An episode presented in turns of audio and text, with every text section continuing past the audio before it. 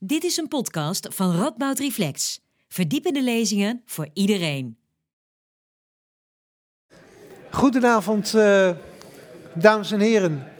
Welkom u allemaal die liever over sport praten en nadenken dan getuige te zijn van een makkelijke overwinning van het Nederlands elftal vanavond. Laten we daar dan toch dan tenminste vanuit gaan. Mijn naam is Marcel Becker. Ik studeerde aan de Nijmeegse Universiteit ooit geschiedenis en wijsbegeerte, twee fijne studies, en ben momenteel universitair hoofddocent ethiek aan deze universiteit. Ik heb net al gegist dat u liever over sport praat en nadenkt dan er naar te kijken vanavond. Misschien komt het wel omdat u na het Europees kampioenschap voetbal, na de Olympische Spelen en na de historische overwinning van onze Max op Zandvoort even geen sport meer kunt zien. Hoe het ook zij, wij gaan vanavond even weg van de extase van de overwinning. En we gaan even weg van het verdriet van de nederlaag. We gaan vanaf enige afstand naar sport kijken. Op twee manieren nemen we die afstand. We duiken de geschiedenis in en we kijken filosofisch naar wat sport eigenlijk is. Beide spreeksters geven een lezing van 25 minuten.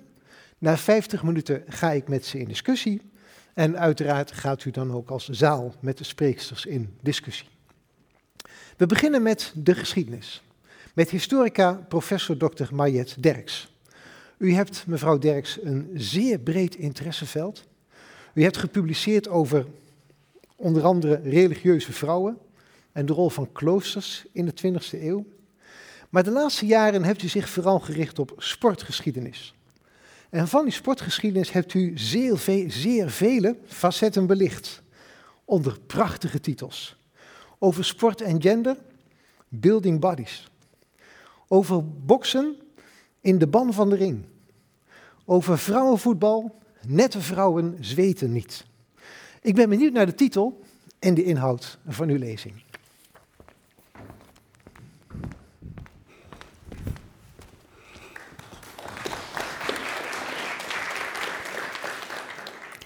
Goedenavond allemaal. Ooit was ik, ooit begon ik als sporthistorica, toen werd ik religiehistorica en ik ben sinds een aantal jaar weer terug bij het echte vak sportgeschiedenis. Dus uh, het is niet de laatste jaren, maar het, het is al veel langer dat ik ermee bezig ben en doorgegrepen ben. En steeds meer tot de conclusie ben gekomen dat ideeën, beelden, discoursen rond sport en bewegen onze visie nu maar zeker ook vanuit het verleden die visie nu uh, hebben bepaald. En de waarde van sport, uh, u ziet het hier achter mij, is een hele normatieve categorie die door de tijd heen steeds heel verschillend is ingevuld. Door heel verschillende actoren en ook voor verschillende groepen. En mijn verhaal vandaag is noodgedwongen een vogelvlucht, want 25 minuten uh, is echt veel te kort. Met een focus op Nederland en af en toe een grotere context uh, van het internationale sportgebeuren. En uh, de eerste foto van vandaag uh, laat al een beetje dat tweeluik zien. Aan de ene kant een hele historische foto van een roeiwedstrijd in Engeland op Henley. Het, het hoogste dat je eigenlijk kan, kan bereiken als sporter in de roeisport. Waar in 1892 een Nederlandse skiffeur, Janus Ooms, met de uh, met de titel, met het hoogste nummer ging uh, prijken, de Diamond Skulls. En toen werd hij in Nederland vergeleken met Michiel de Ruiter, die de Engelsen een mooi lesje op eigen grond had geleerd. En rechts een afbeelding van het roeien op de Amstel vandaag de dag. Roeien is mijn sport vandaag. Sport heeft een lange geschiedenis. Er zijn bronnen waaruit blijkt dat de Chinezen al 3000 jaar voor Christus een soort van voetbal speelden. Ook Inca's en Maya's kenden balspelen. Sport was, dat weet u vast, een cruciaal onderdeel van de Griekse en Romeinse cultuur. Middeleeuwse bronnen reppen van fysiek spel, volksvermaak, vaak met dieren. We zouden dat vandaag de dag dierenkwellerij noemen. Maar destijds genoot men daar enorm van. Italiaanse stadstaten cultiveerden er in, de renaissance het calcio, een vorm van pleinvoetbal zoals u hier ziet in Florence. Tennis, jeu de paume, kolven en andere bezigheden komen we tegen in bronnen over 17e en 18e eeuwse bezigheden, evenals jacht, paardrijden, schermen. Vrijwel in iedere plaats werd geschaatst en tijdens de kermis of jaarmarkten werd er gebokst of hardgelopen, meestal voor geld. Pas in de 19e eeuw werden tal van dergelijke sportvermaken in een lang proces eigenlijk steeds marginaler, ten gunste van georganiseerde, gereglementeerde, gereglementeerde en in de ogen van burgerlijke elites ook minder ruwe, dus beschaafde sport. het is die laatste versie die we nu sport zijn gaan noemen, oftewel moderne sport. Die is uiteindelijk dominant geworden en heeft in de 20e en de 21e eeuw steeds grotere groepen mensen um, weten te mobiliseren, zowel actief en denk nog meer passief, toekijkend. Tal van historici benadrukken het verschil tussen die oude vormen en de moderne sport. Regels, organisaties, reglementen, competitie met name zou het verschil uitmaken. Maar interessant is dat allerlei historisch onderzoek laat zien dat er ook bij die oudere spelen al sprake was van regels. Dat er sprake was van wetkamp, van competitie. En aan de andere kant kwamen ook al vanaf het begin bij die moderne, zogeheten beschaafde sport, ruwheid en relletjes van meet af aan voor. Dus de afstand van dat sportieve oude vermaak tot de moderne sport is eigenlijk veel minder dan lange tijd werd gedacht. U kijkt al even naar een, een clubje jongens. Uh, dat waren uh, scholieren, want uh, moderne sporten als voetbal en cricket ontstonden in Engeland in de context van zogeheten public schools. En dat lijkt misschien iets van een openbare school, maar het was niks anders. Juist, het was een hele elitaire school. Um, en daar ontwikkelden protestantse pedagogen een visie dat fysieke inspanning en enthousiasme voor samenspel ten goede zou komen aan lesonderdelen. En dat paste in het moderniseringsproces van die tijd dat Engeland toen doormaakte, waar de zogeheten man of action steeds belangrijker werd. Want die man of action, dat waren degenen die de industrialisatie, het openleggen van het land en het bewaken van een heel imperium voor hun rekening moesten nemen. En ook in Nederland waren jongenskostscholen de broedplaats voor moderne sporten. En de voortrekkersrol was weggelegd voor deze jongens, waar je nu naar kijkt. Dat waren jongens die school gingen op Noordhei in Veur, dat lag bij Voorschoten. Daar kwamen Engelse leraren en ook wat Engelse leerlingen en die brachten vanuit Engeland die moderne sporten mee. Daar werd in 1854 het eerste spelletje modern voetbal gespeeld. En op die foto hier, eind 19e eeuw, ziet u twee teams van leerlingen met hun leraren die samen speelden. De jongens waren er dol op en zagen er ook een middel in om zich af te zetten tegen de stoffige vorige bourgeoisie-generatie van hun ouders. En na hun schooltijd richtten die jongens dan weer zelf sportclubs op. U ziet hier een van de oudste HFC uit Haarlem, met in het midden, met de snor, en de pet de bekende sportpionier Pim Milieu. Die clubs boden de jonge mannen de gelegenheid tot een eigen cultuur. Buiten het zicht van ouders, dat was heel belangrijk, en andere bemoeizuchtigen. En tot het opbouwen van een maatschappelijk netwerk dat hen zeer van gunst was, tot nut was in hun beginnende carrière in het bedrijfsleven en in het bestuur in Nederland en de koloniën. Jong Holland was de naam die ze zichzelf gaven. En je ziet het eigenlijk aan de pose op die foto. Geen stijf naast elkaar staande heren in pak, maar losjes, bijna nonchalant in de lens kijkende knapen.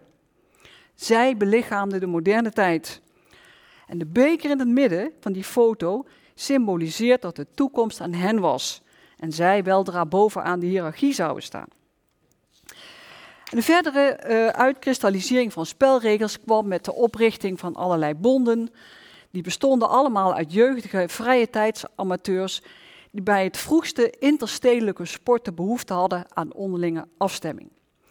Ze namen daar vaak meestal de Engelse regels over en volgden e-, elke wijziging daarvan op de voet, inclusief mogelijk, mogelijke straffen en protesten, en hadden daarbij onderling veel conflicten over de interpretatie daarvan. Jongens waren we, waren ook meisjes in die tijd. Voor hen zag het er wat lastiger uit. Want die moderne sport ontstond in een tijd dat mannen, jong of oud, de samenleving domineerden. En sporten in die tijd representeerde ook heel erg mannelijke waarden. Fysieke kracht en snelheid, het innemen van ruimte, denk even aan die vorige foto, en het competitie, het, het de wetkamp om de beste te zijn. En behalve spelers waren ook bestuurders, scheidsrechters, de meeste toeschouwers en sportjournalisten mannen.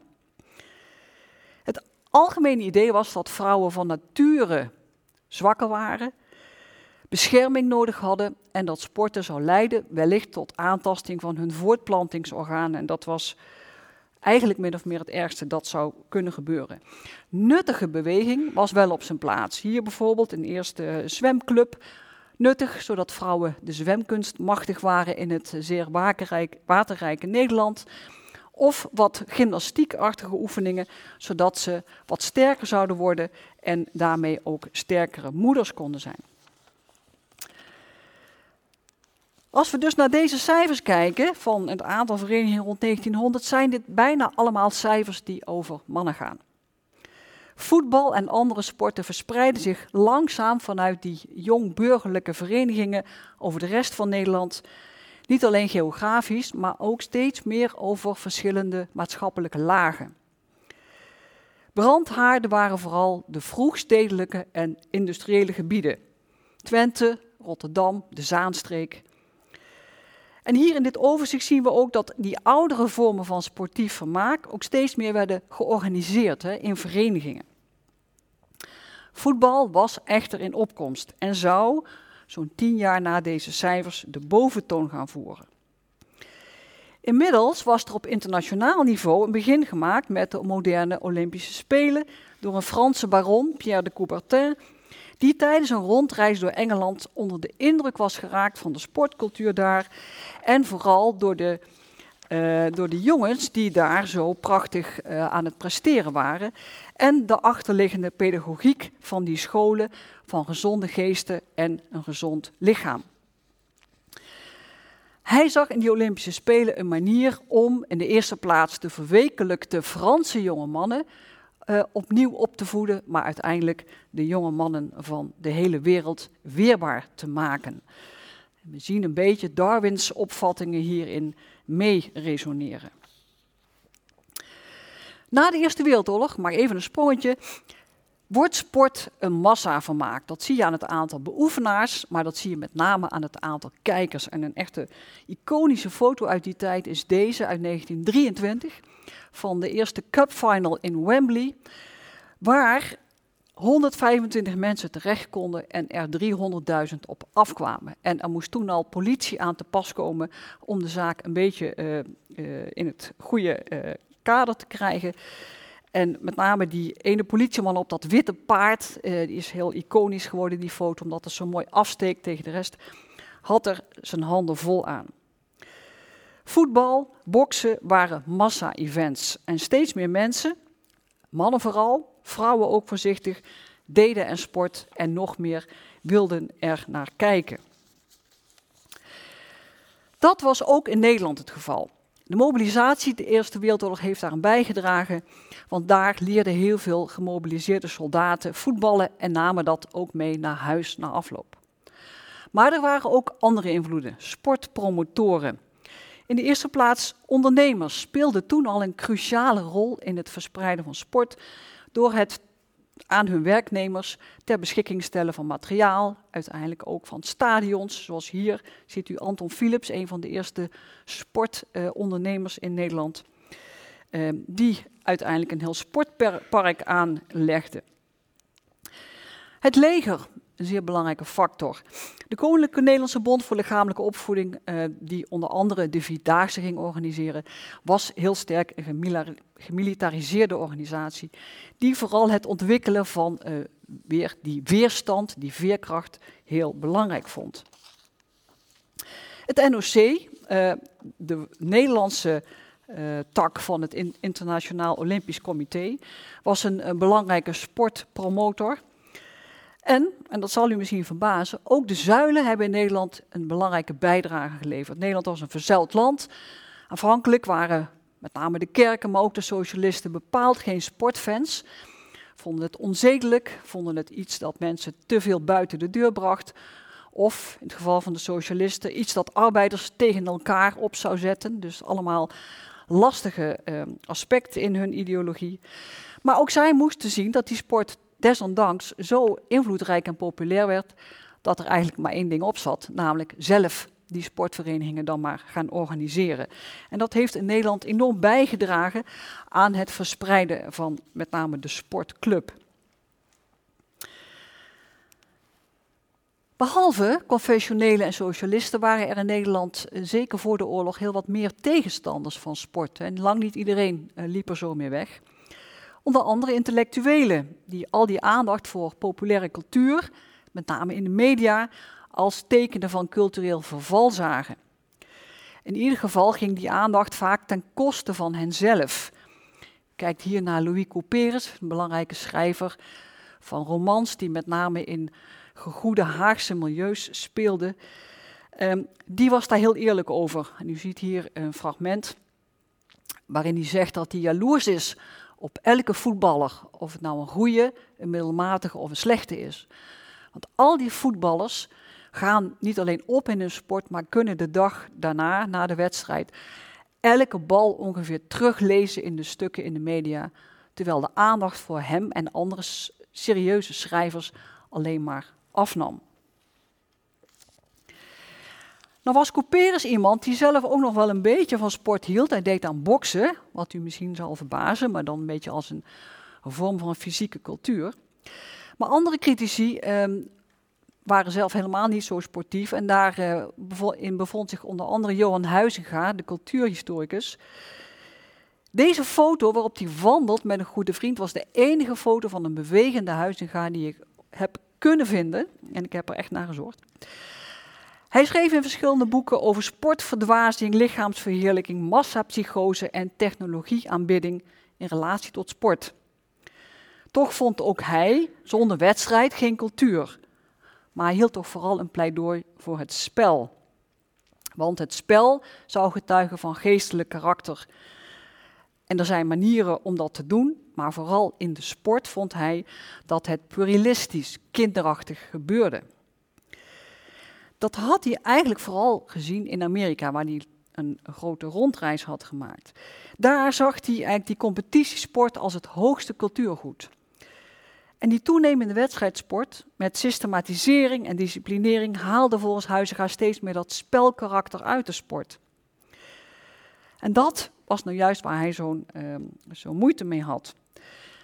Hij vergat daarbij dat in de Verenigde Staten een heel ander sportsysteem tot ontwikkeling was gekomen. Daar werd vooral op high schools en universiteiten gesport. En clubs waren in handen van commerciële eigenaren. Daar was natuurlijk competitie van vitaal belang, want daar stonden grote financiële belangen op het spel. In Nederland, West-Europa, was juist de sportvereniging stond daar centraal. En die maakte steeds meer een belangrijk deel uit van het sociale verband van de maatschappij, het sociale weefsel. En dat was Huizinga min of meer ontgaan. In Nederland waren we ook helemaal niet zo bezig met die, uh, met die grote uh, competitie, met die financiële belangen. De Olympische Spelen in Amsterdam in 1928 waren bijna niet doorgegaan, omdat met name de conventionele partijen dat niet zagen zitten. En ook weigerden als Tweede Kamerfractie om daar subsidie aan te geven. Maar internationaal werd wel commercialisering langzamerhand vanuit die Amerikaanse invloed steeds belangrijker. Want die Coca-Cola-stand die u hier ziet, verscheen voor het eerst bij die Olympische Spelen in Amsterdam in 28. En internationaal werd sport ook steeds meer onderdeel van een uh, soft power play, dus een, een, onderdeel van internationale betrekkingen, waarbij uh, landen en met name totalitaire landen elkaar probeerden op dat niveau uh, te laten zien wie letterlijk het sterkste was. Want dat straalde af op het land als geheel. En het voorbeeld van de Olympische Spelen van Berlijn uh, is daarvan, denk ik, een van de meest bekende en meest treffende voorbeelden. Ik maak even een sprongetje. Er waren twee rampen voor nodig, ga terug naar Nederland, om een einde te maken aan die vooroorlogse verzuilde en amateuristische sport. Eerst hadden de Duitsers afgedwongen dat alle sportbonden moesten samenwerken. Ten tweede waren er uh, in 1953 was er een grote watersnoodramp, waardoor uh, er uh, door professionele voetballers die namens Nederland in het buitenland speelden, op werd geroepen om een benefietwedstrijd te houden ten bate van de slachtoffers. In Nederland heerst er nog steeds het amateurisme op voetbalgebied. Dus, en in omringende landen was dat inmiddels al professioneel geworden. En die wedstrijd die men speelde in Parijs tegen het Franse nationale team was zo'n succes dat van hieruit de druk om ook in Nederland het profvoetbal in te voeren zo groot werd dat in 1954, dus een jaar later, de KNVB akkoord ging om dat in te voeren. Twee jaar later, heel voorzichtig, werd er ook aan vrouwenvoetbal gedaan, maar dat had een veel langere weg nodig om echt geaccepteerd te worden. Misschien kunnen we daar straks nog uh, over napraten. Ik maak weer even een sprongetje, want we gaan naar de jaren 60 en 70, waarin Nederland eigenlijk steeds meer sportminded werd. Af en toe waren er daarvoor natuurlijk internationale successen, maar dat was steeds even. Dat was niet een hele grote massabeweging. Dat gaat veranderen vanaf de jaren 60. Steeds belangrijker. Waarom? Ik noem u een paar redenen. Allereerste plaats de erosie van de zuilen en de daarmee samenhangende cohesie. Tot op zekere hoogte ging sport de leeggevallen ruimte vullen, met name op zondag. Versterkt door rituelen, stadionsamenzang, mediatisering. Lege kerken, volle stadions, heeft een sportsocioloog dit proces genoemd. Sportsuccessen werden ook steeds vaker publiekelijk gevierd, zelfs een tweede plek, zoals die bij het WK van 74. Met een premier in de Polonaise. U herkent hier misschien uh, Joop den Uil. Politici gingen de kracht van sport ontdekken. Dit zich associëren met sport, met populaire sport en ook zichzelf laten zien als een sportieveling en ook als een heel vitaal iemand, lag in het verlengde van die nieuwe hiërarchische verhouding die in de jaren 60 zijn intrede deed. Oude hiërarchieën waren niet meer vanzelfsprekend en de aanhang moest veroverd worden. En sport werd een manier voor gezagdragers om op die manier uh, ook een soort van by proxy een soort populariteit uh, van de sporter aan zich te trekken. Dries van Acht, u ziet hem hier, uh, geldt als het schoolvoorbeeld hiervan.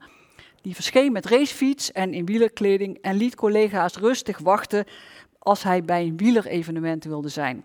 Zeker als daar camera's bij waren. Bij de huldiging van Joop Zoetemelk, na diens overwinning van de Tour de France, was hij aanwezig en omhelsde zelfs de tamelijk verbouwereerde Zoetemelk. Ruud Lubbers liet zich in verkiezingstijd zien als een hockeyer en voetballer, als aanvoerder.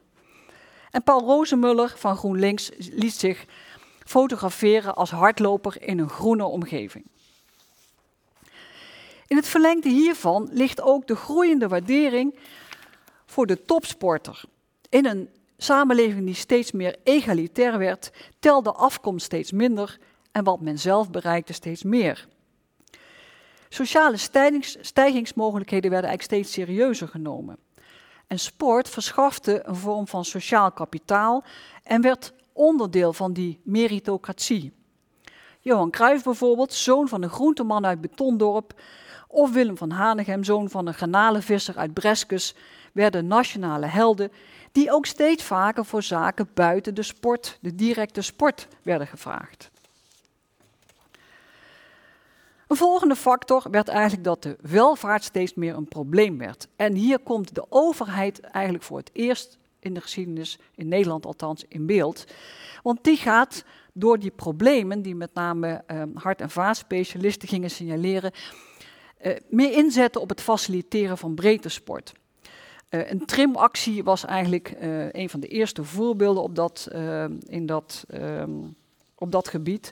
En van nu af aan, vanaf de jaren, eind jaren 60, 70, wordt de overheid eigenlijk steeds belangrijker. En sport wordt langzamerhand ook voor overheden steeds meer gezien als een integratiemotor. zeker als elftallen die wat diverser zijn samengesteld, zoals dat van 88, ehm, succesvol zijn. Dan wordt dat interessanter.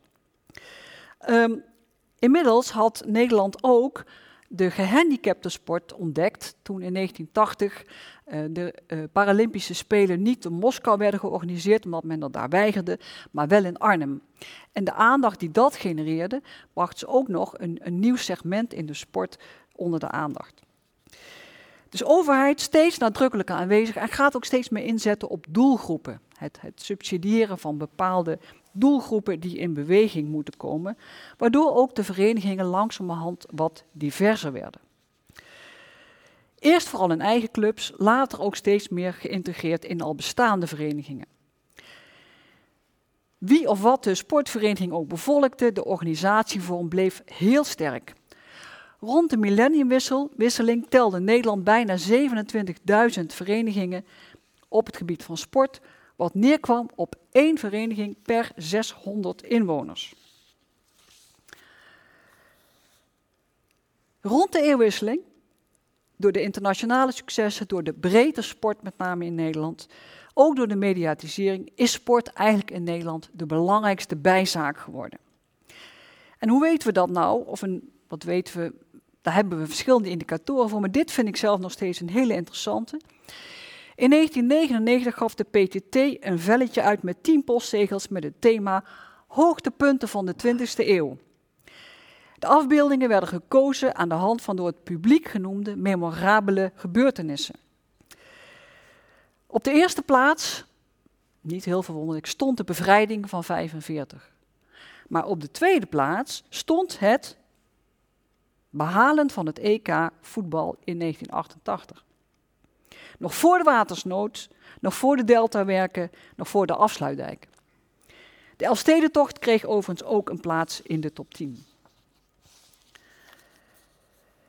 En na 2000, ik nader mijn uh, afronding, en dat is eigenlijk pas relatief heel kort geleden, 20 jaar geleden, gaat in Nederland de overheid en ook uh, organisaties sport erkennen als een belangrijke, niet alleen sociale waarde, maar zeker ook een, een vorm van soft power. Iets waarmee je internationaal eer in kunt leggen als land.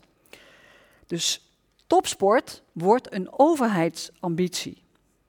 En de ambitie is eigenlijk om top 10 te worden. En dat bedoelen we eigenlijk top 10 in de, met name de Olympische medaille ehm, tabel. Daar zijn een aantal uh, redenen voor. Ik zal ze nu uh, heel kort uh, niet allemaal uit de doeken doen. Maar er wordt in ieder geval in geïnvesteerd. Er is een belangrijke rol voor een staatssecretaris die ook voorzitter van NOC-NSF wordt. Een rol zeker ook van de kroonprins, die sport als een van zijn belangrijke speerpunten kiest. Kortom, er wordt flink geïnvesteerd in de hoop dat er ook veel medailles op terug zullen komen.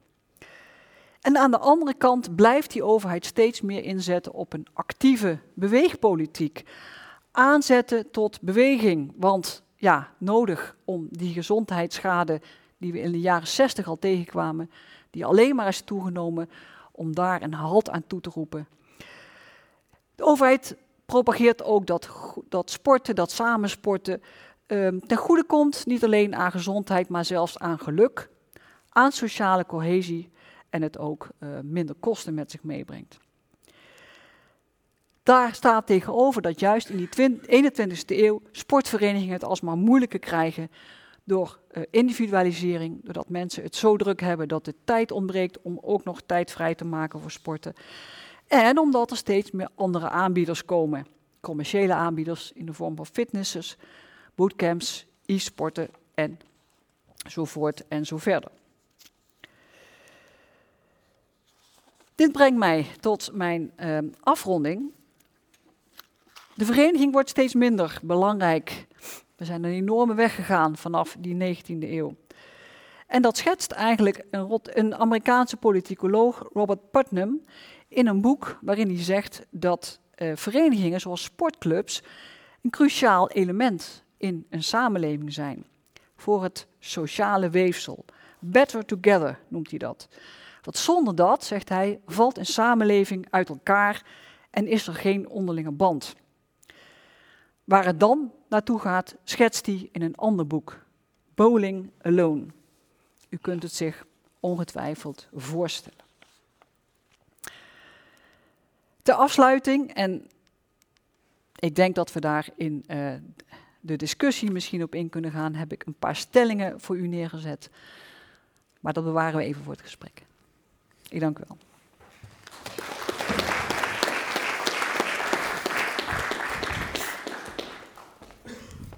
Wij gaan.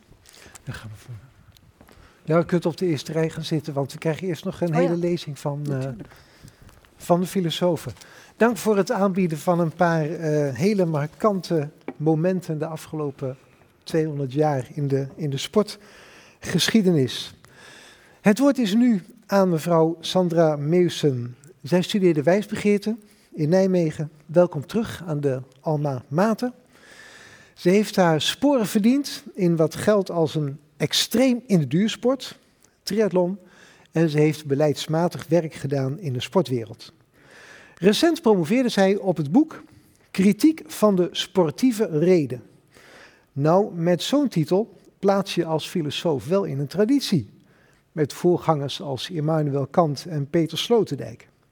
In haar boek belicht ze via vele denkwegen de keerzijde van de moderne sport. Een paar opmerkingen die zij zelf maakt over haar studie. Mijn studie kan beschouwd worden als een fundamentele herijking van de ontologische paradigma's die de moderne sport dragen. Deze studie wil het actuele denken over sport ingrijpend veranderen.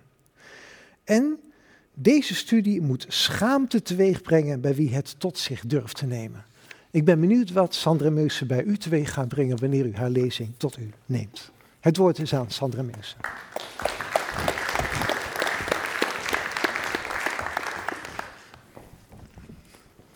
Dankjewel Marcel voor deze mooie introductie. Het schaamrood op de kaken. Dank. Um, om een uh, prachtige quote uit de voetballerij uh, te gebruiken van onze voetbalprofessor. Je moet schieten, anders kun je niet scoren. Um, vorig jaar heb ik inderdaad dit boek mogen uitbrengen en verdedigen als doctoraat in Brussel. En dat was een schot. Een schot voor open doel. Een schot in de roos. Um, een knuppel in het hoenderhok. Wie zal het zeggen? De tijd zal het leren. Hoe dan ook, voelde ik mij inderdaad geroepen om op een andere manier naar sport te gaan kijken. En ik beschouw dat ook als een van de taken van een filosoof. Om een ander venster op sport te presenteren.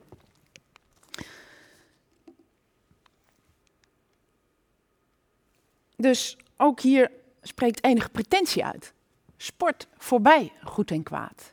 Met een vraagteken. Waar vele sport vooral een vormende, apollinische um, rol toedichten, um, heb ik ook willen kijken naar waarom toch die prachtige praktijk uh, die de sport is en die ik zelf ook heb mogen beleven van binnenuit, toch ook een aantal ja, lelijke neveneffecten kent. En vandaar mijn verhaal voor vanavond. Ik zal iets zeggen over uh, het pad wat ik heb bewandeld in mijn uh, promotieonderzoek. En daar heb ik een nieuwe methode toegepast op uh, de sportfilosofie en de sportwetenschap. Archeologie. Ik zal ook iets zeggen over homo ludens, dus Huizinga. Um, ik zal ingaan op sport als competitie. Ik heb dat genoemd de agonale dimensie van sport. Ik wil iets zeggen over hoe de regels het spel bepalen en hoe dat zich verhoudt tot het ethisch hart van de sport, waar we zo trots op zijn met elkaar. En voor mij komt heel veel samen in de term sport als biopolitiek. Dus ook daar zal ik enige tijd aan besteden. En op het laatst hoop ik ook nog enkele woorden te kunnen wijden aan ja, een lonkend perspectief. Marcel zei het al, ik kom uit Nijmegen, een kind van deze stad. Indrinken bij het haantje. lopen op de baan van Brakkestein, zwemmen in de Goffert. Ik ben hier begonnen tijdens mijn studie heel serieus aan atletiek. Bij de Nijmeegse studentenatletiekvereniging Het Haasje. Misschien zit er wel een nieuwe bestuurder in de zaal. Hoe geweldig is dat? En ik heb me eigenlijk daar mogen ontwikkelen tot een niet onverdienstelijk triatleet. En uh, heb ook kunnen ruiken aan wat topsport inhoudt. Als je 9 tot 12 keer per week traint, dan begin je dat toch wel te voelen. In diezelfde periode studeerde ik hier af. Um, op een scriptie over Wittgensteins Tractatus. Een hele andere zijstap. En vervolgens ben ik vanuit passie, in de sport gaan werken. Er zitten hier ook wat oud-collega's in de zaal. Hoe leuk is dat? En ik ben gaan werken bij het NOC-NSF, het Nederlands Olympisch Comité, in 1994. Ook een historisch moment, omdat deze organisatie toen net gefuseerd was. Het Nederlands Olympisch Comité samen met de verenigingskant. En ik mocht van binnenuit ja, het sportbeleid in Nederland vormgeven. En als filosoof heb je altijd, laten we zeggen, een soort derde positie. Die van reflectie en verdieping. En voor mij was het ook als 100% believer in de sport, liefhebber, zeer fanatiek nog uh, in de prestatiekant, maar ook inmiddels ook coach, was het eigenlijk een ja, onthutsende ontdekking dat, laten we zeggen, in de arena van beleid en bestuur vooral de strijd domineerde. En ook een aantal zaken ongezegd bleven. Als het ging over onzekerheid, kwetsbaarheid, angst, gevoel überhaupt. En ik heb me daar ja, eigenlijk in toenemende mate over verbaasd. En dat is uiteindelijk gerijpt in een doctoraat terug bij het oude vak, inderdaad. Ik heb opnieuw, laten we zeggen, de hele filosofische kanon tot me genomen en op een andere manier gekeken naar sport. En ik heb daarin ook zeker willen aansluiten bij de Nederlandse traditie op het gebied van sportfilosofie en sportethiek, die dominant fenomenologisch is. En dominant ontstaan is vanuit de bedding van bewegingswetenschappen. Ik voelde mij geroepen om als filosoof een extra gereedschapskist toe te voegen. Ook nadrukkelijk vanuit mijn persoonlijke ervaring in het hart van de sport. En dat heeft iets te maken met ja, die keerzijde. Wat, laten we zeggen, in de publiciteit, nadat uh, de knuppel in het hoenderhok was gegooid, uh, de ronde heeft gedaan als uh, de beerput. De beerput van de sport. En uiteindelijk heb ik hem mogen verdedigen in Brussel op dit moment verbonden aan de Erasmus Universiteit. Ja, um, ook nu voor vanavond een eerste uh, these om later te verdedigen. Um, zoals ik het zie, beweegt de sport zich tussen een existentiële dimensie, die gaat over verlangen, en die dus ook een hele kwetsbare binnenkant kent, versus een politieke dimensie, dat is een beetje vloeken in de kerk, als je het hebt over sport. En dat gaat over het buiten van onze rechtsstaat. En daarin neem ik een heel groot voorschot op uh, de filosoof die in mijn proefschrift centraal heeft gestaan. En die in het verlengde van Michel Foucault gewerkt heeft aan verdiepingsslagen op het begrip politiek, biopolitiek. En dat is Giorgio Agamben niet oncontroversieel, zoals de meeste goede filosofen. En ik zal daar straks uiteraard dieper op ingaan. De methodiek van filosofische archeologie komt ook voort uit de traditie die eerst door Nietzsche is neergezet en door uh, eh, 20e eeuwse filosofen zoals Foucault, in mindere mate Deleuze en zeker Agamben. U ziet daar een drietal um, ja, iconische boeken over sport. Aan de rechterkant het boek van Jan Tamboer, wat in Nederland een behoorlijk stevige mijlpaal was op het gebied van sportfilosofie. nadenken over lichamelijke, uh, lichamelijk, lichaamsbeweging überhaupt, maar zeker ook wat we tegenwoordig het bewegingsonderwijs noemen. Vanuit een fenomenologische inspiratie. In het midden ziet u um, The Grasshopper van Bernard Suits, een Canadese filosoof die eigenlijk een amalgaan heeft uh, gemaakt van het denken over spel. En daarin speelt zeker ook Huizinga nog een rol. Gecombineerd met ja, de Amerikaanse filosofische traditie, pragmatisme en zeker ook een analytische invalshoek. Dit zijn de pijlers waar je je als filosoof toe hebt te verhouden als het gaat over sport. En ter linkerzijde heb ik genoemd um, Desmond Morris, de Soccer Tribe misschien bekend. Een heel populair boek die eigenlijk de tribale en daarmee ook agonale functie van sport aanzet, legitimeert. En dit zijn zomaar een paar titels die je uh, kunt uh, nemen als uitgangspunt voor een filosofisch-archeologisch onderzoek. Maar er is meer. Mijn archief bestond uit allerlei bronnen. Niet alleen uh, een discoursanalyse, dus teksten, handboeken, beleidsteksten, uh, tuchtrecht, regelgeving. En u zag een aantal klassiekers die zeker ook aan bod zijn gekomen. Maar ik heb me ook gebaseerd op bijvoorbeeld recente uh, documentaires. Maradona, Turn? De documentaire over het turnen die zoveel stof heeft doen opwaaien. Ik heb ook gekeken naar hoe er op conferenties gesproken wordt over sport en welk idioom daarin gehanteerd wordt. Ik heb natuurlijk ook gekeken naar recente krantenartikelen. En dat is uh, een interessante invalshoek van filosofische archeologie. Je kijkt naar uitingen in het heden en zoekt daarin naar de sporen vanuit het verleden, vanuit de ontstaansgeschiedenis van sport. En vooral grijpt filosofische archeologie in op het weten. Deze avond gaat over de waarde van sport. En in het woord waarde zit ook het woord waarheid. En een filosoof wil natuurlijk echt wel iets zeggen over, ja, wat is nou eigenlijk de waarheid over sport? En wie bepaalt die waarheid? En hoe produceren we uh, de waarheid over sport? In welke ja, kenbereiken, weetsystemen. En is daar ook nog iets in bloot te leggen wat wellicht verloren is gegaan? Typisch een taak van filosofische archeologie. En het woord wat daarbij hoort is het woord episteme. dat is een woord wat gemunt is door Foucault, maar natuurlijk teruggrijpt op uh, Griekse denkers.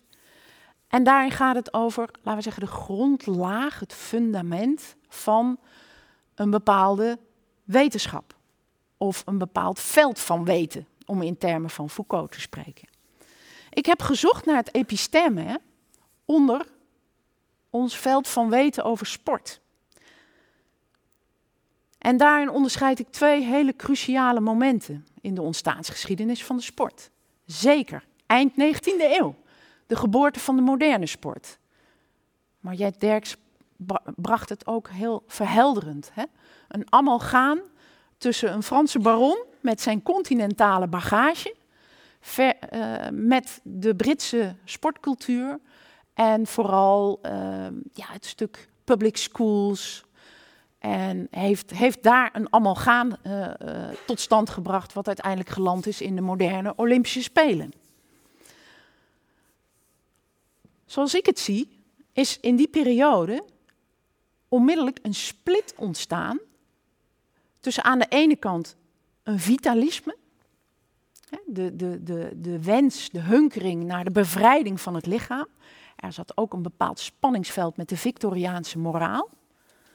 dus in de sport, in de moderne sport, kon je je lichaam laten zien in zijn volle kracht. Daar zat zeker een, een, een uh, verlangen in van, uh, vanuit de Franse school. Maar tegelijkertijd, eigenlijk du moment dat ja, de moderne sport uh, verscheen, kwam daar een paradigma bij, wat we herkennen in het economisch utilitarisme. Dus een meer controlegericht paradigma. En dat is zich gaan manifesteren in statuten en reglementen, zoals Anton Geesink altijd uh, kon zeggen. Hij was ooit mijn collega. Statuten en reglementen, uh, disciplines, tuchtrecht, instituties. En deze split, en daar refereer ik aan Bachelard als inspirator voor de vroege Foucault. In zijn Archeologie van het Weten grijpt hij terug op het denken van Bachelard, waarin ook die split nadrukkelijk zichtbaar is. En in mijn opinie beheerst die split ons denken over sport in allerlei opzichten. En is dus eigenlijk een continu spanningsveld, een ambiguïteit tussen aan de ene kant de vitalistische uh, reflex, hunkering, versus een meer op controle en economische beheersing gericht uh, paradigma. Het tweede moment, cruciaal in de geschiedenis van de sport, is homo ludens. Zeker in Nederland, maar ook internationaal. Ik was op een Franse, digitaal op een Franse conferentie van sportfilosofen in Parijs, achter het scherm, in de huiskamer. En ook daar refereerde men continu aan homo ludens. Dus Johan Huizinga, onze Johan Huizinga, is internationaal vermaard. En heeft inderdaad een belangrijk aanbeeld, eikpunt, neergezet over het denken, uh, in het denken over sport. Namelijk het ideaal van sport als spel. U ziet hier de voorkant van een van de eerste edities, misschien wel de allereerste. Ja, waarop um, het Triskelion staat. Heel oud symbool, met drie pijlers. En wat ik interessant vind, is dat daaruit spreekt uh, wat ook de wortels zijn van het denken van Huizinga. Hij heeft dat boek geschreven in de jaren dertig, het interbellum. In een woedende wereld. En hij grijpt terug op zijn uh, inspiratie die hij heeft opgedaan eind 19e eeuw. Hij heeft toen kennis genomen van het werk van Nietzsche. En dus ook van het spelbegrip van Nietzsche. En in het triskelion zit een van de benen die verwijst naar de duistere kant. Persoonlijk vond ik het heel interessant om deze kaft nog eens onder ogen te komen. Homo ludens, en dus ook de sport als spel, mythe, zoals ik hem ben gaan noemen, is ergens ook een soort archetype waarin wij alles waaraan wij alles afmeten rondom sport. We willen dat het een spel is. We willen dat het bevrijdt. We willen dat het ludiek is. Ondanks, en daarin ben ik in filosofische termen een materialist, ondanks het feit dat de sport inmiddels in heel veel opzichten al lang geen spel meer is. als we kijken naar met name het profvoetbal, maar ook andere gecommercialiseerde vormen van sport, dan zie je daar zelden nog een spelelement in terug. Of het moet zijn Arjen Robben die een balletje hoog houdt. En daar zijn we dan ook weer met elkaar helemaal lyrisch over, want we zien het kind in de voetballer. Dus wat mij fascineert is dat het sport als spelideaal ons in sterke mate bepaalt. U ziet daar links onderaan Ortega y Gasset. Spaanse filosoof, waar Huizinga werkelijk mee heeft uitgewisseld in de jaren 30. Hij heeft hem eens een keer naar Nederland gehaald en uh, zijn boek over de rebellie van de massa's, daar heeft hij enorm veel inspiratie uitgeput. He, dus Homo Ludens was daar ook een antwoord op. Hoe kunnen we de krachten die vrijkomen, mind you, het waren de jaren 30, hoe kunnen we die beteugelen? En daarin was het spel ideaal, zeker interessant. Ter rechterzijde ziet u Martin Heidegger, ook een niet oncontroversiële filosoof, die in die jaren natuurlijk furoren maakte met Sein und Zeit. Het is opvallend dat Huizinga nergens getuigen doet van het lezen van Heidegger, terwijl er wel degelijk parallele thema's te vinden zijn, met name die van de vergetelheid van het zijn. dit is zomaar een manier om duidelijk te maken hoe archeologie kan helpen om anders te kijken naar wat wij voor waar aannemen over sport. U ziet daar ook het woord fetish staan. Dat is een heel andere invalshoek om te kijken naar sport. En ook om te kijken naar het ideaal van sport als spel. Ik heb in mijn doctoraat ook nadrukkelijk een psychoanalytische invalshoek gehanteerd. Als een extra venster op wat er plaatsvindt in die arena van de sport. En naar mijn smaak is daar ook sprake van een verlangensdynamiek. Ik ben hier opgeleid in een Lacaniaanse omgeving. Jean-Laurent Assoun gaf hier college. En het was fascinerend om als twintiger meegenomen te worden naar een wereld die eigenlijk meer lagigheid presenteerde. Ja, homo ludens is een ideaal. Maar wat gaat daarachter schuil? Welk verlangen is er ook nog wat zich wil laten zien?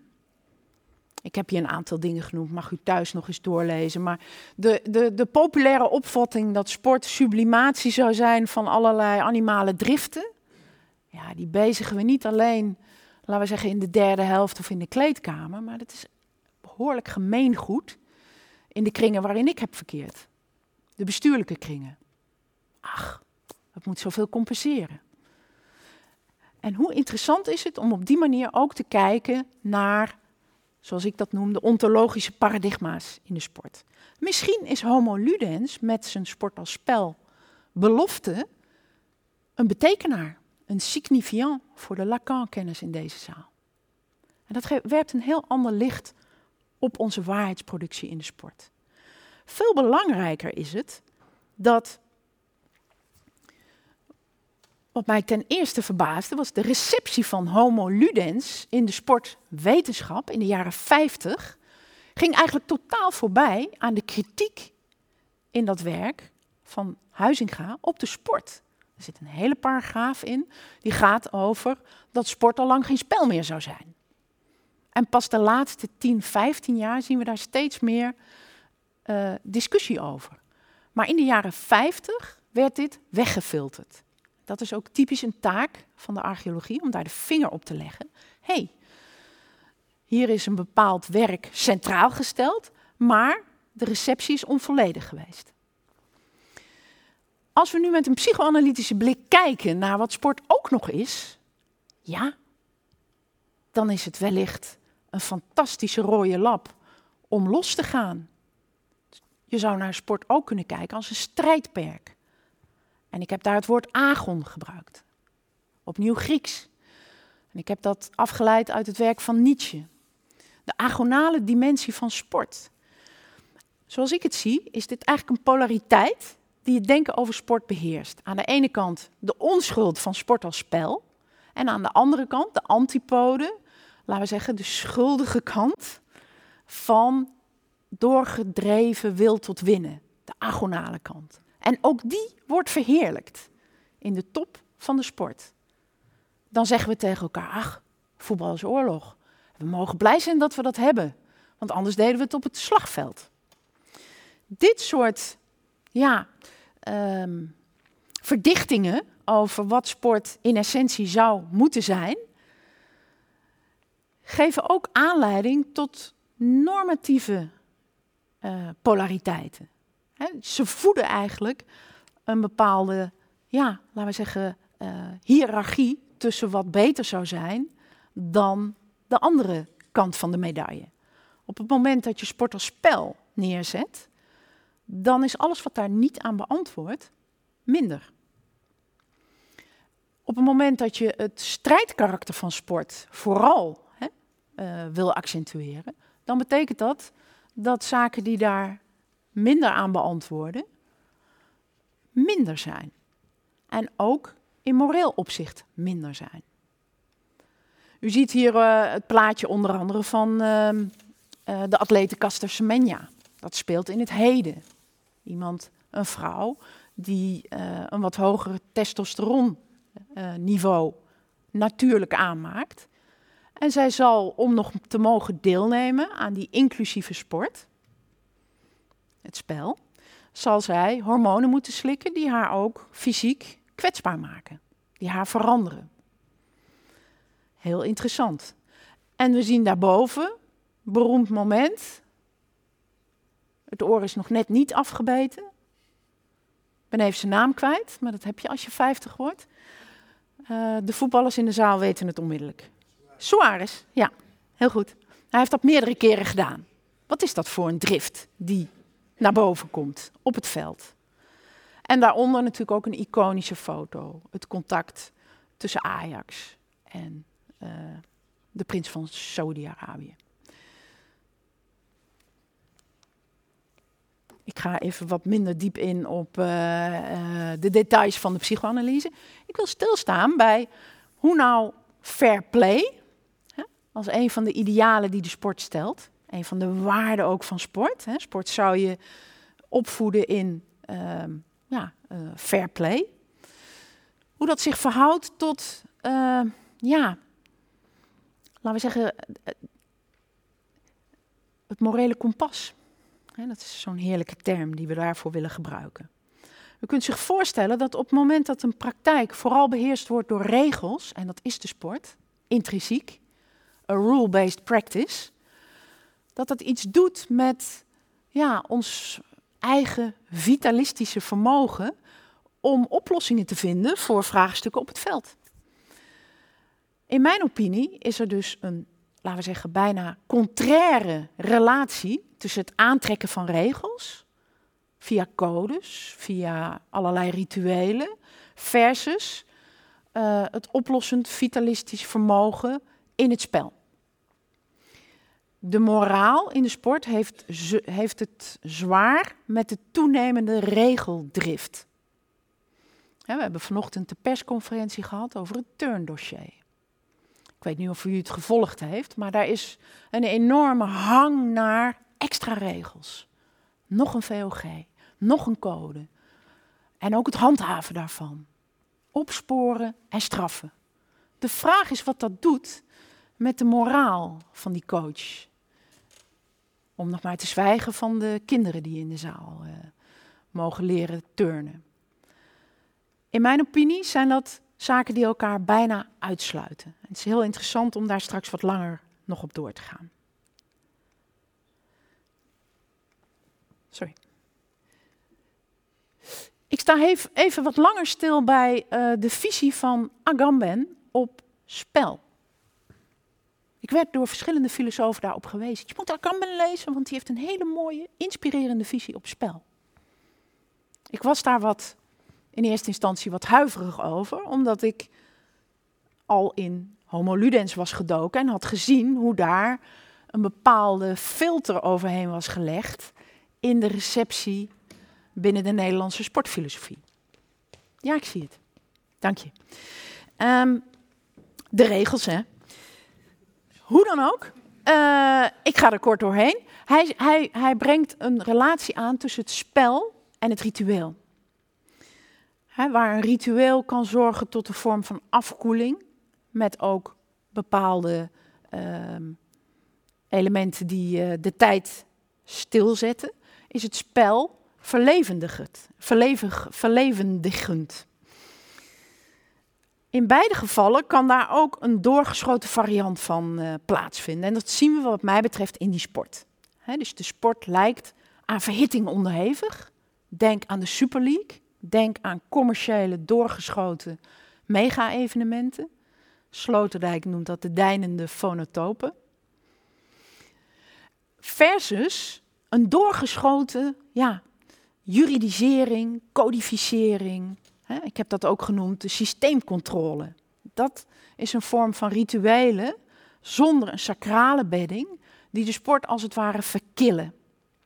En de uitdaging voor komende generaties om daarin een nieuwe balans te vinden. Mijn laatste, deze sla ik dan dus maar over. ja?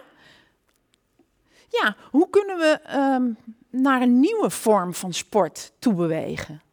Ik heb daar een aantal dingen in genoemd. Ik denk dat het nodig is om voorbij um, de naïviteit te komen. Hè? Sport is haar onschuld wel voorbij. En te erkennen dat de sport als spelmythe uh, aan verandering onderhevig is. En daarmee zeg ik niet dat sport geen spel is, maar dat we ons rekenschap hebben te geven van de risico's van het eenzijdig idealiseren van het spel. Daar staat een woord cora, is ook weer uit, de, um, uit Plato zelfs, de Timaeus. dus daar waar polariteiten um, in extreme veranderen, hebben we weer een soort level playing field nodig. Agamben noemt dat inoperativity. In het Frans, désœuvrement. Ik zie het als een van de belangrijkste opgaven om als het ware die uiterste weer, laten we zeggen, in te klinken naar een veld waarin de sport zich op een nieuwe manier kan ontwikkelen. En sport heeft enorm veel veerkracht. Dus er is een fantastische toekomst weggelegd voor de sport. Hier kan ik het bij laten voor vanavond. Dank jullie wel.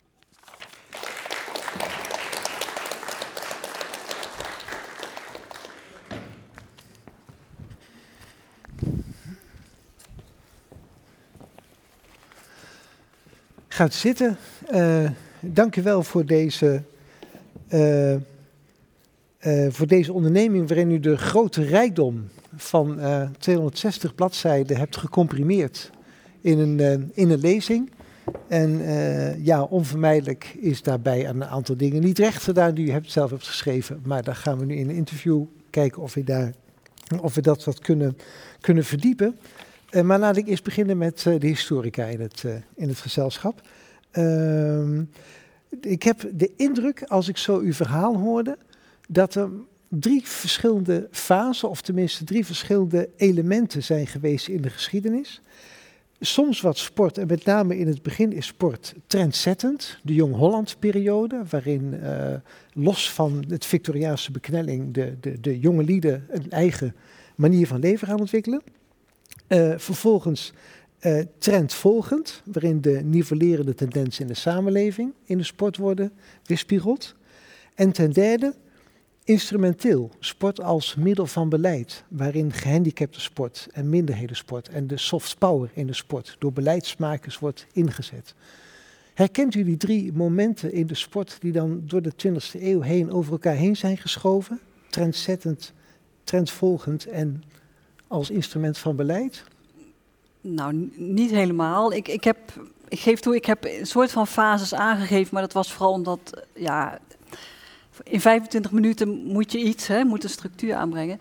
Maar kijk, trendzettend, nou, ik heb vooral laten zien dat uh, die, die nieuwe groep in de 19e eeuw, die ging wel iets nieuws neerzetten, maar dat werd niet meteen de trend. Hè. Daar was best wel wat weerstand tegen. Um, trend volgen, dus in die zin waren ze ook mensen van hun tijd. Als het massale wordt, is dat niet per se trendvolgend, maar is dat ook weer in interactie met de samenleving. Dus ik, mijn verhaal was eigenlijk vooral om te laten zien dat sport voortdurend in interactie is met een grotere maatschappelijke context. En dat daar heel veel continuïteiten in aanwezig zijn. Dat, dat vooral. Um, dat instrumentele zie je in de 19e eeuw ook al. Dat hele stuk heb ik weggelaten. Maar dan is lichamelijke opvoeding natuurlijk is gaat bijna vooraf aan, aan, aan wat we sport noemen. Dat was ook al heel vroeg aanwezig.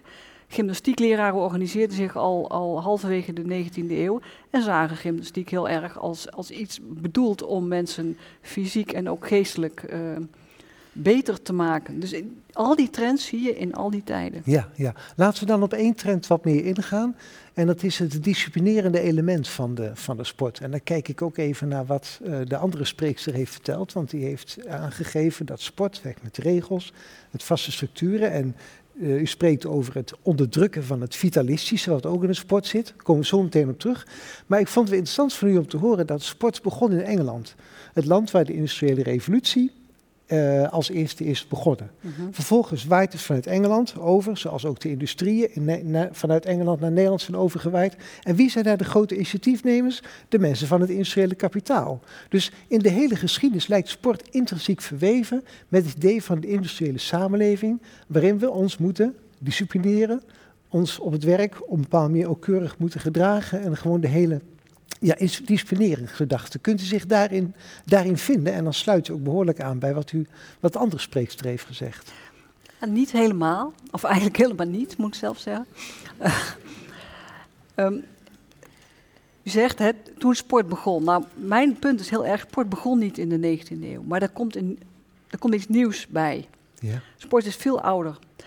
Ehm, ook competitie is al veel ouder. Uh, regels zijn ook al ouder dan die 19e eeuw. Dus ten dele is het, heeft het zich ook los van industrialisatie ontwikkeld.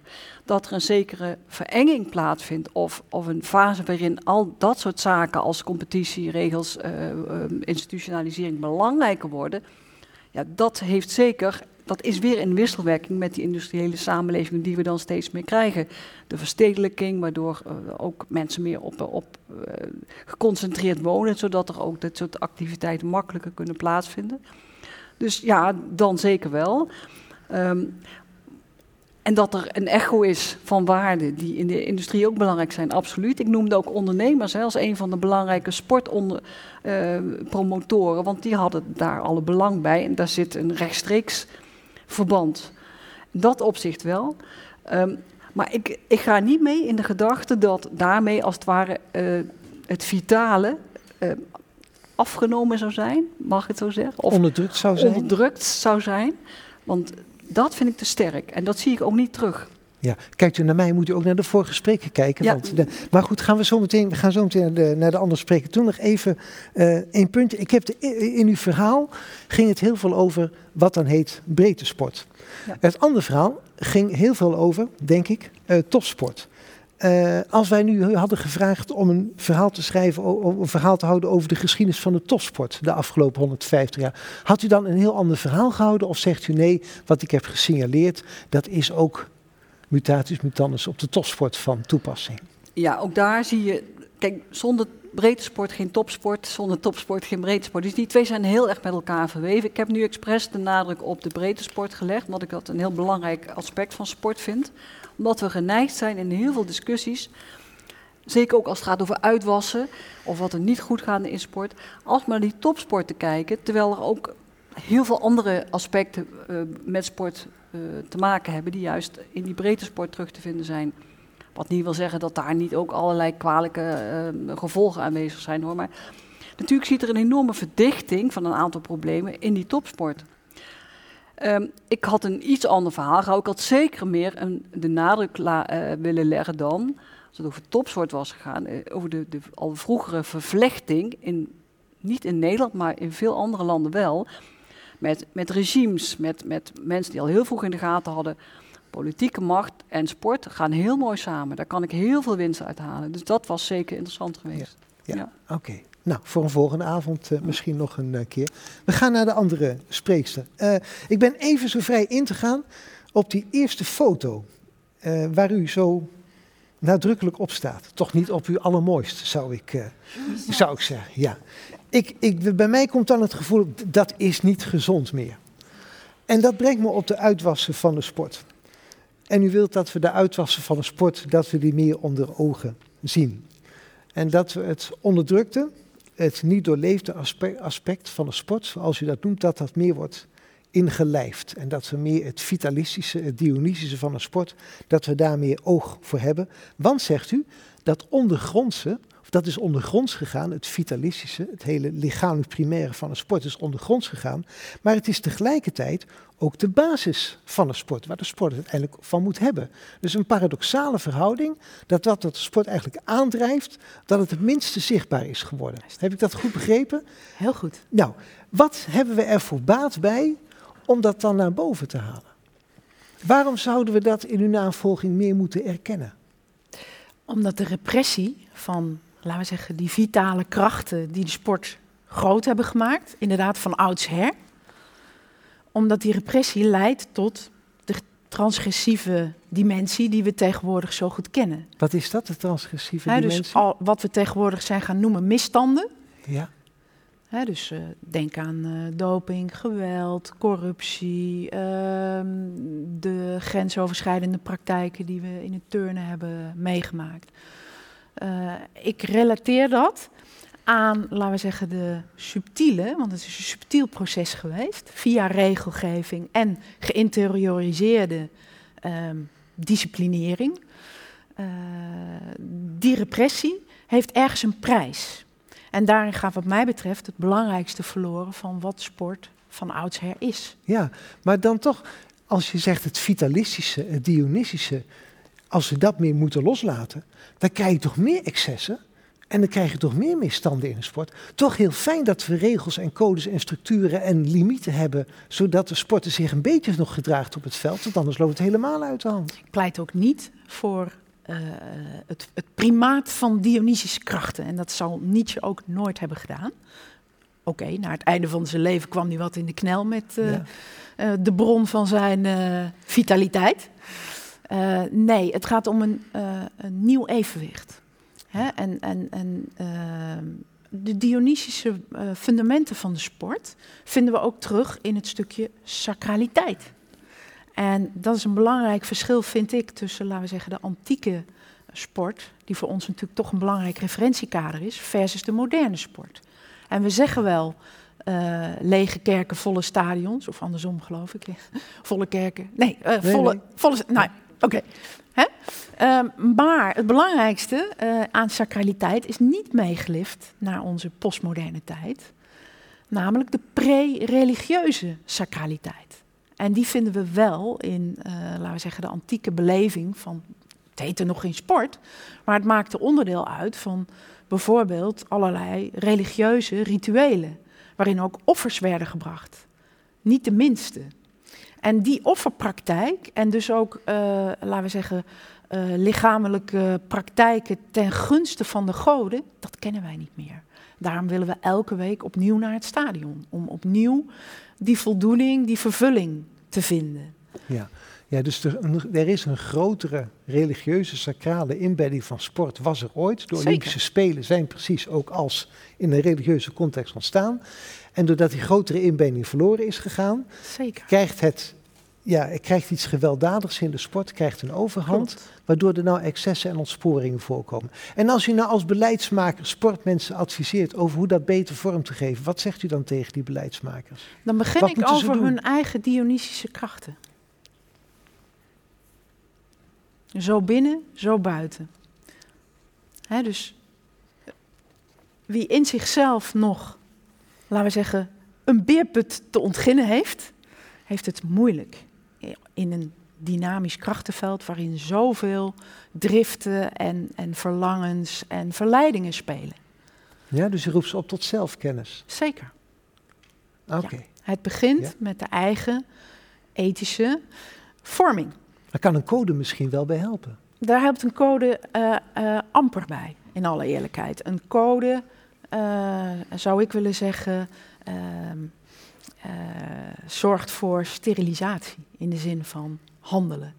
Als, de, de, ik heb werkelijk ook meegemaakt dat ik inderdaad een prachtig proces deed met een aantal sportbestuurders over een governance code. En aan het eind van de rit ging die de la in. En men ging over tot de orde van de dag. Dat lijkt me het tegengestelde eh, effect van wat de code had zullen moeten we- bewerkstelligen. Ja. De, de nieuwste code Ja. op het gebied van governance eh, heeft ook een wat ander en opener, uitnodigend karakter. Ja. Hè, dus we zijn wel degelijk slagen aan het maken Ja. hierin. Ik wilde tot slot even, voordat we naar de zaal gaan, naar de lievelingssport van Louis Couperus, waar jullie allebei iets over hebben geschreven.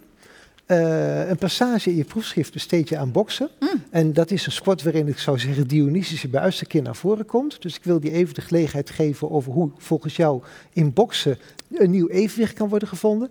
En u hebt ook over boksen gepubliceerd en dan mag u daar iets over, over zeggen. Sandra? Boksen is natuurlijk een agonale eh, tak van sport bij uitstek. En ook daarin zie je allerlei eh, nou ja, kunstgrepen om te zorgen dat het veilig zou kunnen gaan. Denk aan de helmen, denk aan allerlei eh, eh, regels die eh, de deelnemers zouden moeten beschermen. Maar boksen is ook spelen met vuur. En dat zien we heel regelmatig. Maar wat me nou echt fascineert, is wat dat met ons als publiek doet. Wij willen dit zien.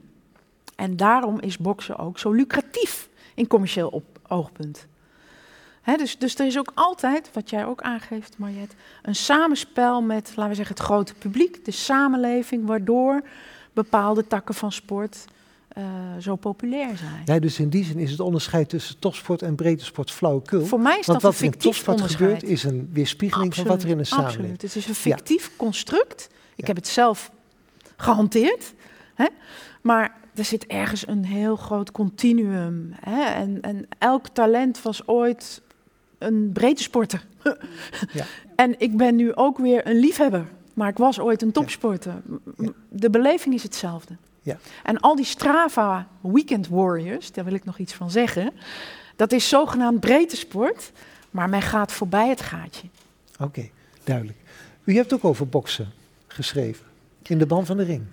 Ja, maar als historica. Hè, Ja, dus ja, ja, ja, ja. Een deel van onze. ja. Wij zitten op eenzelfde lijn en deels zijn we door onze discipline staan we er heel anders in. Dus ik kijk heel erg naar sport in een context, in een historische context. Ehm, Sandra heeft het over vitalisme, ehm, sa- sacrale wortels. Als ik naar de Griekse Olympische Spelen kijk, zie ik zeker mensen die, ehm, die de goden eh, wilden, eh, ten dienste van de goden wilden, wilden presteren, maar ook ten opzichte van zichzelf. Ze werden ontzettend rijk beloond, dus dat was ook een hele sociale context die daar betekenis aan gaf. Dus ik ben nooit zo van, dit is de kern van het wezen van de sport en daar moeten we naar terug. Ik denk dat sport zich steeds opnieuw manifesteert in bepaalde historische contexten. Geldt ook voor boksen, is een heel oude, het, het vuistgevecht, ontzettend oud. Ehm, wat we zien in de 19e eeuw, dat ook daar geprobeerd wordt om een, zekere ehm, beschaving aan te brengen met regels, handschoenen, hè, niet Mm. meer de ba- bare knuckle fight. Maar interessant is, en daarin ga ik met jou mee, het, het, het vuistgevecht en zelfs later met de handschoenen en het professionele vuistgevecht, liefst met KO, met knock-out, was verreweg populairder dan al die mannen die keurig volgens de regels van, eh, van eh, de Queensberry Rules gingen vechten in, in zoveel rondes en met eh, eh, helemaal gestileerd. Daar vonden eigenlijk heel veel mensen vonden daar gewoon niks aan. Dus dat zie je heel duidelijk. Daar zit iets in wat kennelijk eh, ja, publiek trekt. En dat is het gewoon het eh, man-tot-man gevecht. En, en later ook vrouw-tot-vrouw gevecht. Dat, dat hebben we nu ook steeds meer als sport. Ehm, dus in die zin, ik vind boksen ontzettend interessant. Ik vind het ook verschrikkelijk om naar te kijken. Maar ik vind het super interessant, omdat het veel minderheden bevat die, die via de sport opklimmen. Dat vind ik ontzettend interessant. Dus heel carrière maken als, als goede sporter. Zwarte sporters, ehm, Indonesische sporters, ehm, vind- Filipijnse sporters vind ik heel interessant. Vrouwen die al heel vroeg proberen, ja, als ze niks anders meer kunnen, kan je altijd nog vechten. Hè? Dus dat aspect, dat, dat vind ik ontzettend fascinerend. Publiek, heel fascinerend. Er zijn al die regels. Eh, de 19e-eeuwse bourgeoisie heeft eh, regels eh, gemaakt om het geciviliseerder te maken. Waar gaan de burgermannen uiteindelijk naartoe? Naar welke gevechten? Naar de, de prizefighters. Hè, de, Ja. Liefst eh, zonder handschoen. Dat, Ja. Ja. Die zitten Ja. in het publiek. Ja, wat dan tegelijkertijd een emancipatie voor bepaalde groepen Ja, wel absoluut, het ja. meeste genereert. Ja, Ja, ja, ja, ja, ja, ja. prachtig. Dank daarvoor. Bedankt Ja. voor uw beider, eh, bijdrage. Dankjewel, hè.